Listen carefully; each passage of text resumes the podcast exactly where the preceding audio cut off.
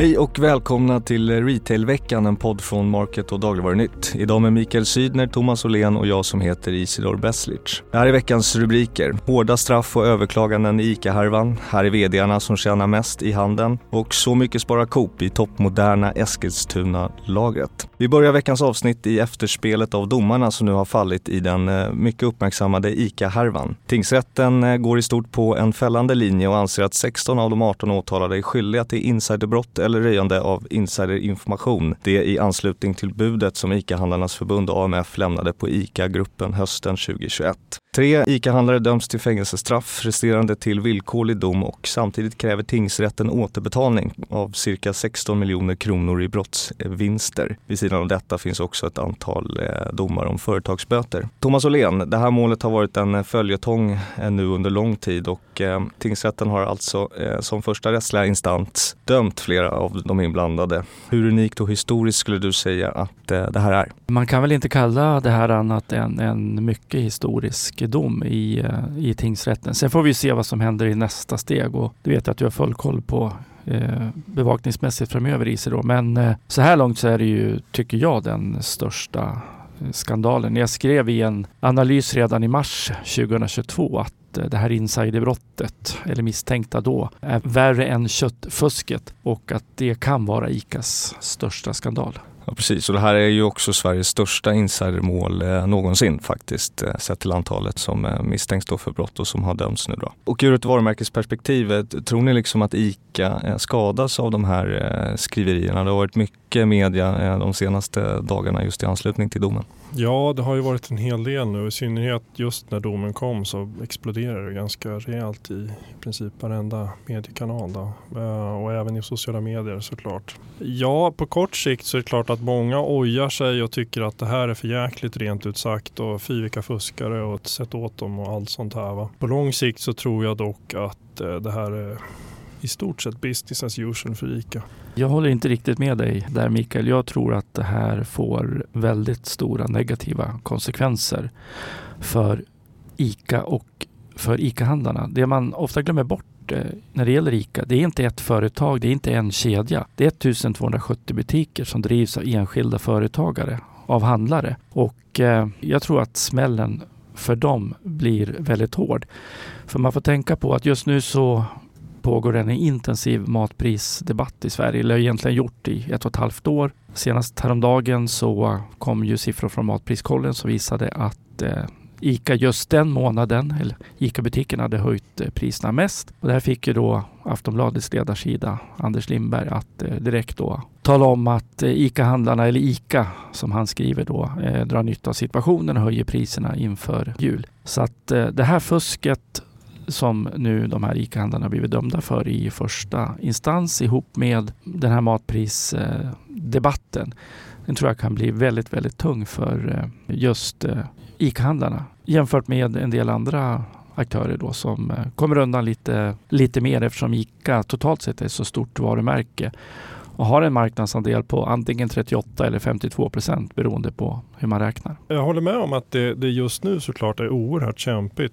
För det, här, det här kommer såklart att, även om det bara handlar om ett fåtal individer så är det såklart att, att hela varumärket drabbas och många som jag sa är förbannade och irriterade och tycker hela den här diskussionen om giriga ICA-handlare blossar såklart upp. Jag tror vanans makt sitter där någonstans. Man kanske är lite förbannad och tycker att ja, det är för jäkligt. Men jag tror man åker till sin ICA-butik och handlar i alla fall. Kanske inte nu, men jag tror även att, ändå att det är så pass många som fortsätter att göra det. Så att i det stora hela så tror jag inte att det får någon jättestor betydelse, inte på lång sikt i alla fall. Vad finns det för erfarenheter sedan tidigare? Vi tog upp det här med, med köttfusket som briserade eh, där. Eh, ja, frågan är om inte det var till och med en större mediaskandal och kanske fick ett större genombrott. Nu har vi inte sett det totala genombrottet av det här i konsumentledet än, men det känns som att konsumenterna var mer upprörda då över det här men det var ju samma sak där. ICA återhämtade sig ganska snabbt och det kändes som att den här köttfärsskandalen var glömd ganska fort och livet rullade på. Sen har man skämtat lite om det i efterhand men det har inte skadat ICA på lång sikt, det tror jag inte.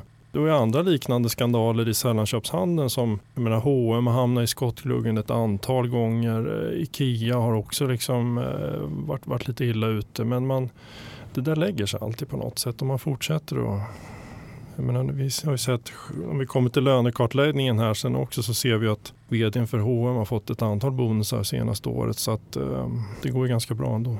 Och Göran Blomberg då som är VD för ICA-handelsförbund, eh, han har ju sagt att eh, i de fall en slutgiltig dom skulle leda till fängelse eller näringsförbud så kan det vara svårt för, för dem eh, som döms då att vara kvar som ICA-handlare. Vad vet vi om förutsättningarna vad gäller just den här saken Thomas? För ICA har ju en ansvarsnämnd som ska pröva den här saken nu.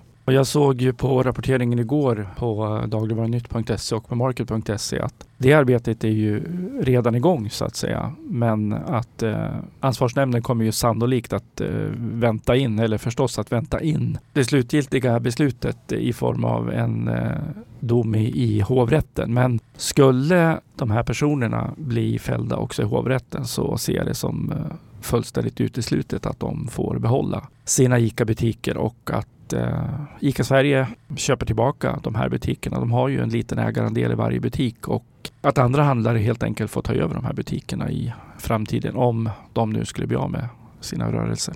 Och vi vet ju att minst två eh, personer i alla fall avser att överklaga domen till, till hovrätten så att eh, det blir sannolikt en prövning även där. Eh, och det ska också tilläggas här att samtliga åtalade har nekat till brott och eh, motbevisat alla eh, anklagelser som har riktats mot dem under tingsrättsförhandlingen. Vi får säkert anledning att återkomma till den här saken men nu ska vi gå vidare till nästa ämne. I veckan publicerade Market och Dagligvarunytt den årliga kartläggningen av löneläget i detaljhandeln signerad vår reporter David Levin. Först ut det var listan över de bäst betalda vdarna. I toppen hittade vi namn som Göran Westerberg, Håkan Lundstedt och eh, Claes Balkov. Men eh, damen på täppan är numera H&M's VD Helena Helmersson som eh, mer än fördubblat sin inkomst på ett år. Men i övrigt som ni hör var det få kvinnor som tog in sig på, på pallplats. Mikael Syner. Helena Helmersson tog första platsen i år men hur långt tillbaka i tiden måste vi färdas för att hitta en annan kvinna högst upp?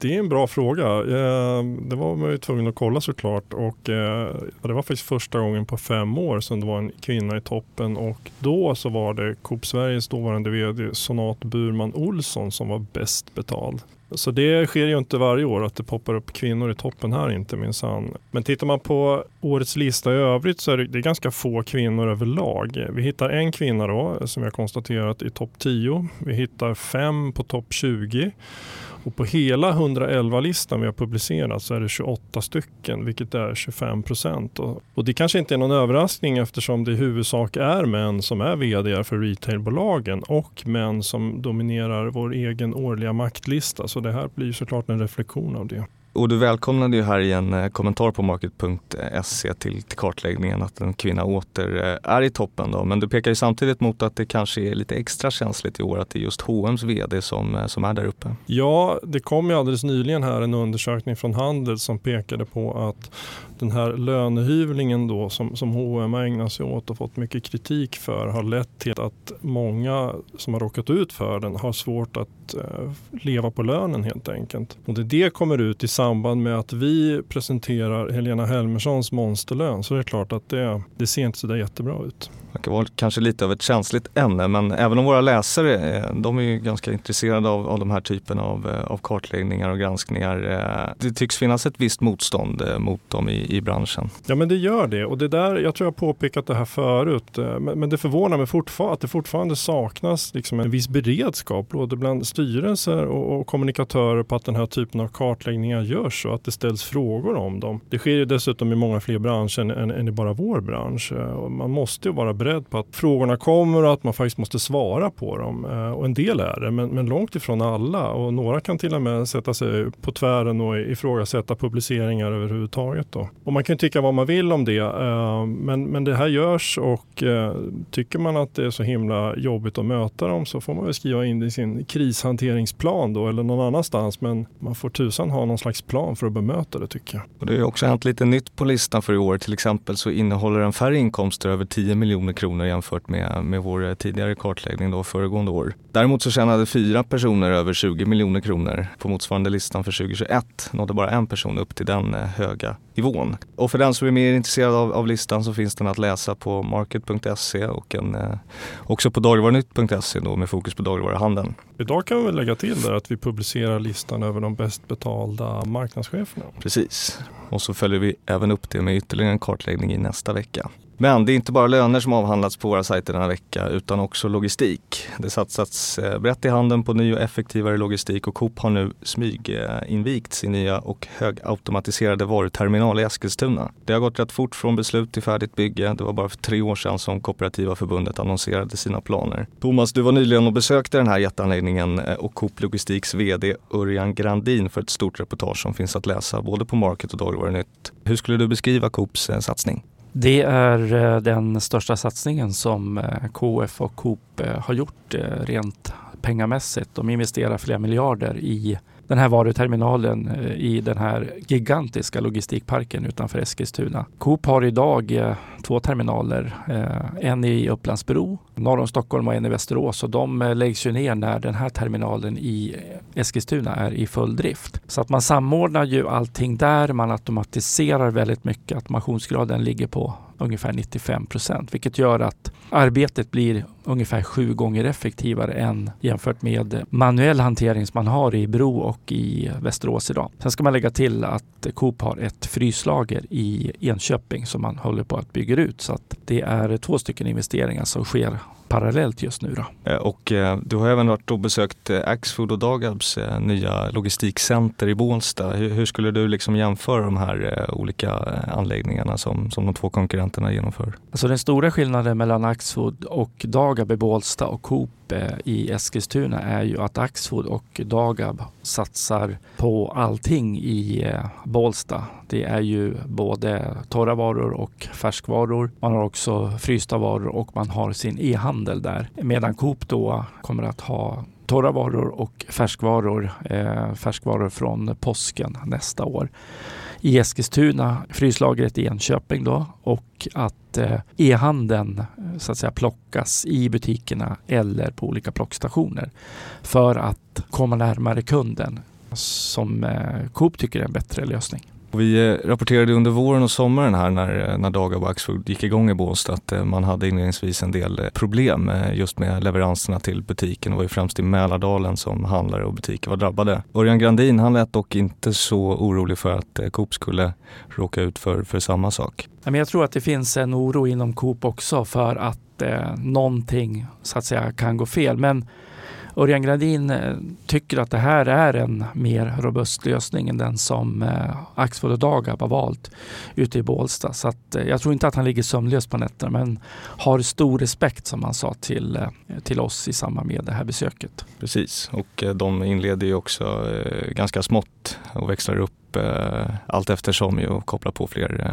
sortiment och så vidare. Vdn han avslöjade också lite grann där hur stora besparingar Coop tror att de, de kan göra. Nej, men den här lösningen är ju mycket mer effektiv än att finnas på två platser med eh, manuellt plock. Då, så att det handlar om hundratals miljoner om året vid full drift. Så att eh, det här borde bli en, en eh, långsiktigt ekonomiskt väldigt bra investering för Coop eh, och alla föreningar då som får sina varor härifrån. Vi följer självklart Coops fortsatta upprampning i Eskilstuna på eh, båda våra sajter. Men eh, där får vi lov att sätta punkt för veckans avsnitt. Du har lyssnat på Retailveckan, en podd från Market och Dagligvarunytt. Ansvarig utgivare Fredrik Svedjetun. På återhörande, hej så länge.